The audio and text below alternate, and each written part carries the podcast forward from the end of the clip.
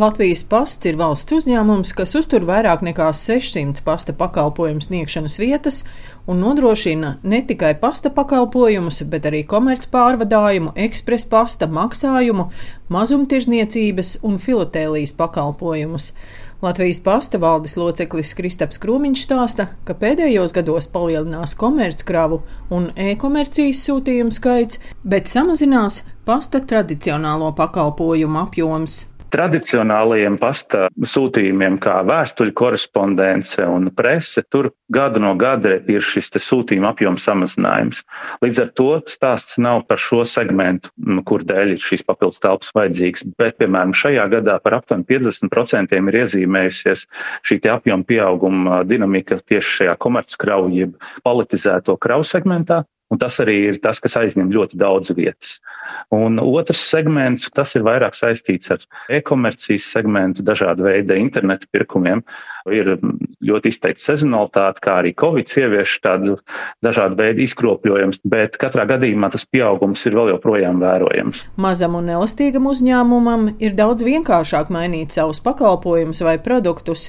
To, ka veiksmīgi jaunu biznesa nišu, dažādu sūtījumu piegādi uzsācis Latvijas pasts, atzinīgi vērtēs Sebbankas ekonomists Dainis Gašpuitis. Aktivizējās eh, internetu tirzniecība, un mēs redzam, ka Latvijas pasts ieņem šo nišu, lai gan, protams, arī viņa spēles laukā parādījušies ļoti daudz dažādu spēlētāju, turpinot aktīvu investīciju politiku un darbojoties kā līdz šim es teiktu, ka izdosies diezgan veiksmīgi pārkāpt tādā jaunā biznesa veidolā, jo tā situācija vienbrīd šķita ar tādu diezgan sarežģītu nākotnes skatījumu Latvijas pastam. Teiksim, to pašu preses piegādi un šīs problēmas nekur nav zuduši, jo, teiksim, tie pasta punktas vēl paliek tas jautājums, jo no sabiedrības zināmas gaidas vēl pret šo uzņēmumu ir ierastās um, biznesa nišas šobrīd neliecina par tādām labām biznesa iespējām. Tā kā tas virziens, kurā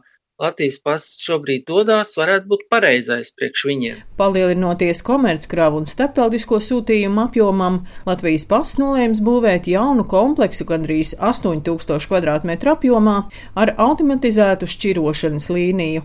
Latvijas pasta valdes loceklis Kristaps Krūmiņš stāsta, ka uzņēmums telpu trūkumu jūt jau vairākus gadus, un papildus telpas jau šobrīd pielāgo vai nomā. Mēs tuvākajos gados paredzam virkni no mūsu sūtījuma apstrādes procesiem automatizēt, un šīs sūtījuma šķirošanas iekārtas ir diezgan lielas izmēros, un līdz ar to, lai varētu izvietot gan pakām, gan arī vēstulēm, šos šķirošanas risinājums būs vajadzīgs tātad papildus arī telpu platības.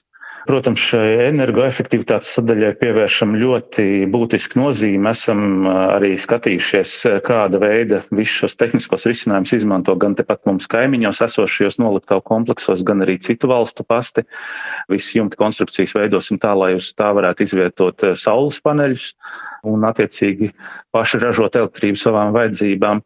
Nu jā, un pārējās lietas ir tādas, manuprāt, jau šobrīd normālā mūsdienīgās noliktavas telpās vai biroja telpās pašsaprotams lietas dažādiem eh, sensoriem, kustības sensoriem, siltuma sensoriem un līdzvērtīgām lietām. Vai laiks, kad sadārdzinās energoresursi un notiek karš Ukrainā, ir piemērots brīdis jaunu kompleksu būvniecībai?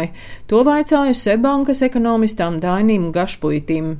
Jautājums ir, kāds līgums noslēgts un cik droši viņi var prognozēt šo izmaksu attīstību. Ja, ja viņi ir daudzas lietas fiksējuši un šis izmaksu pieaugums ir, teiksim, samērīgs, tad es teiktu, ka tas arī būtu jāakceptē, ņemot vērā jauno situāciju un, un to, ka tas tik drīz nemainīsies. Ja šis kāpums būs un pat ja viņš samazināsies, tas nenozīmēs to, ka cenu līmenis būtiski kritīsies.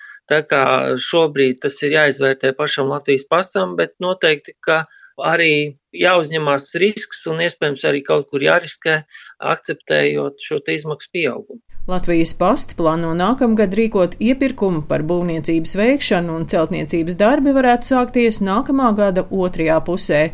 Protams, ja ieceras neizjauks pārāk liels cenu sadārdzinājums vai kādi citi apstākļi. Daina Zalamane, Latvijas radio.